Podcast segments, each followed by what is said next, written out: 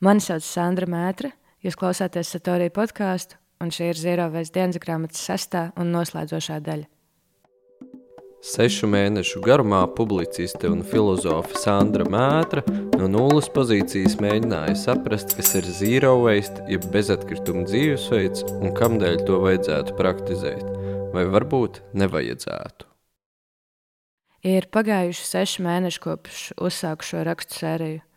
Man tā arī vēl nav izdevies kļūt par pilntiesīgu bezatkritumu dzīvesveidu praktiķi, taču, kā jau iepriekšējā mēnesī minēju, arī katrs nieks ir no svara, ja vien tādu nieku ir daudz. Šajā rakstā, kas ir arī pēdējais sērijā, vēlos vērsties pie visiem tiem, kuri jūtas nedaudz nērti par to, ka vēl nejūtas gatavi radikāli mainīt visus savus patērētāju sabiedrībai raksturīgos ieradumus. Rīgā šobrīd ir vismaz pieci beziepakojumu veikali, no kuriem es iegriezos trijos, lai pavaicātu šo veikalu darbiniekiem, kas būtu tas nieks, ar ko mēs katrs varētu sākt mazināt iesaiņojumu patēriņu. Pirms dodos iepirkties un parunāties, kritiski izvērtēju situāciju savā virtuvē un vannas istabā. Es negribu neko pirkt pirkšanas pēc, tomēr nevēlos specializētajos veikalos iegādāties, piemēram, banānus, ko tāpat, respektīvi neiesaiņotus, varu atrast arī parastā lielveikalā. Netīro trauku krēdu izlietnē ātri vien apstiprina manas aizdomas. Trauku mazgāšanas līdzeklis ir teju tukšs. Izskaloju veco iepakojumu un turpinu zondēt. Šampūns iet uz beigām, tāpat arī zobu pasta. Cik bieži bija jāmaina zobu birstas reizi trijos mēnešos? Šo iepriekšējo man uzdāvināja draudzene kaut kad šķiet vasaras vidū, manu pirmo bambusu birstīti. Arī dušas žēlēs pudele ir gandrīz tukša, bet man ir vēl citas noglabātas vannas istabas plauktā. Kāds draugs man mēdz apdāvināt ar lašu produktiem katru reizi, kad ierodas Latvijā, un par to viņam esmu bezgalīgi pateicīga. Šis veikals, Lašs, starp citu, bija mana pirmā saskaršanās ar zīro veistu, tikai toreiz man daudz vairāk fascinēja paši produkti, nevis veikala attieksme pret iesaiņojumu. Savulaik Lašs veikaliņš bija arī Rīgā, taču savu dzīvi pāragri beidza. Izskaloju dušas žēlēs pudeli un nolēmu, ka tajā pildīšu šampūnu. Neliekšos, ka šī iemesla dēļ savā prātā izjūtu liegas, obsesīvi kompulsīvas kontrakcijas. Man tomēr būs jādzīvo ar puslitru šampūna, uz kura ir rakstīts dušas žēlē. Abriņojusies ar nepieciešamo taru, dodos iepirkties. Zīro veikalā, Krišņāņa barona ielā 28, es iegādājos trauku mazgājamo līdzekli. Puslitrs samaksāju divi ar kapekām. Beata, šī veikala darbiniece, ir ļoti pretimnākoša un piekrīt mazliet parunāties. Vaicāju viņai, kas būtu tās labās prakses, ko ikdienā ieviest, nav pārāk grūti, tomēr kas arī vienlaikus atstāja jūtamu efektu. Beata kā pirmo nosauc ūdens pudeli. Labs sākums ir nopirkt kvalitatīvu ūdens pudeli. Šī arī esot tā lieta, uz kuru nevajadzētu mēģināt ietaupīt. Labāk vienreiz samaksāt vairāk, taču nešaubīties, ka tā kalpos ilgi. Šobrīd arī publiskās vietās arvien vairāk ir pieejams bezmaksas dzeramais ūdens. Ja es dzertu ūdeni, es noteikti tādu iegādātos jā, es nedzeru ūdeni, bet tam nav nekāda racionāla pamatojuma, atskaitot to, ka katram cilvēkam ir savas dīvainības, un šī ir manējā. Otrs bēdas ieteikums ir nodrošināšanās ar vienmēr līdzi esošiem maisiņiem un spēju teikt nē. Mēs visi reizēm grēkojam ar impulsīviem iepirkumiem ārpus savas ierastās pārtikas sagādas rutīnas. Maisiņi neaizņem daudz vietas, daži somā, daži virsjakas kabatā, un te ļoti noderēs nākamreiz, kad radīsies vēlme spontāni nopirkt kādu našķi. Nevajag baidīties teikt nē liekiem iepakojumiem, kad pašiem savējie ir līdzi, un nevajag arī baidīties teikt nē dzeramajiem salmiņiem, kad krogā vai kafejnīcā tiek pasūtīts dzēriens. Pēdējā lieta, ko Beāta iesaka apdomāt, ir arī savas attiecības ar ātrā modi. Ne visi ir gatavi iepirkties second-hand veikalos, tomēr arī tie, kas nav, var rūpīgāk apsvērt savus garderobas papildināšanas paradumus un dažkārt atteikties no kaprīzēm iegādāties apģērbu, par ko skaidri zināms, ka tas netiks godam novalkāts. Dodos tālāk uz Turzu, ģērtrūdas ielā 63.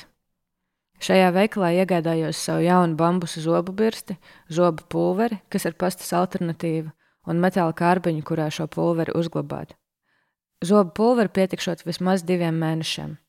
Kopā samaksāju 11 eiro ar kaut ko un vaicāju Annijai to pašu, ko iepriekš vaicāju Beatai.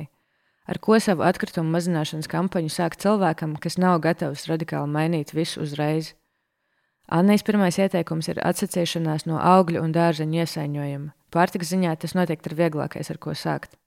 Anna arī norāda uz manu pirkumu un saka, ka arī tas ir labs sākums. Bambusa birstītes, kas pēcāk sadalās nevis peldas okeānā, un zobu pulveri kārbiņi, ko varēšu lietot atkārtoti.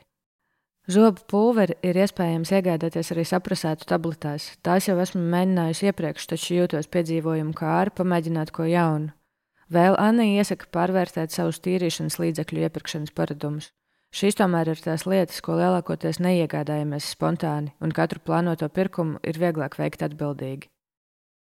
Mans galamērķis ir veikals Burka Krišjāņa Baronielā 5961. Zinu, ka Pārdaugavā ir vēl divi beziepakojuma veikali - Zaļais kalns, mazā nometņu iela 32 un Zemes draugs nometņu iela 18. Taču šos, diemžēl, neapmeklēju, jo tie ir ārpus manas pārvietošanās trajektorijas.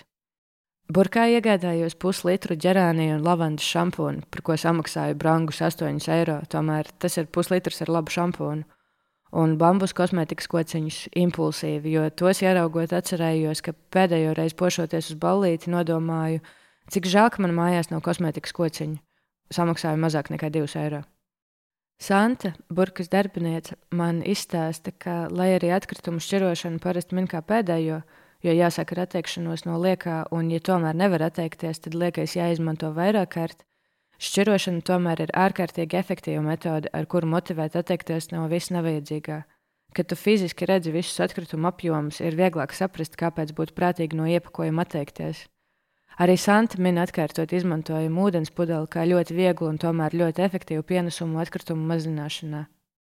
Ja nav vaļas visās kabatās noslēpt daudz mazu maisiņu, iesākumā būs gana, ja vienmēr visur līdzi būs kaut tikai viens lielais maisa iepirkumiem, lai katru reizi lielveikalā nevajadzētu nopirkt jaunu. Runājot ar Santu, secinu, ka šajos beziepakojuma veikalos ir ļoti atsaucīgi darbinieki, kas ir gatavi atbildēt uz visiem maniem iesācējas jautājumiem. Iepriekšējos mēnešos esmu minējusi, ka absolūta atkrituma nesamība varbūt arī nav gluži tas, kas mūsu planētai nepieciešams. Tomēr, lai atkritumu būtu tik maz, ka tā jau draudētu kļūt par problēmu, līdz tam vēl ir tik bezgalīgi tāls ceļš ejams, ka šo potenciālo problēmu varam droši pietaupīt laikiem, kad tā kļūs kaut nedaudz reāla.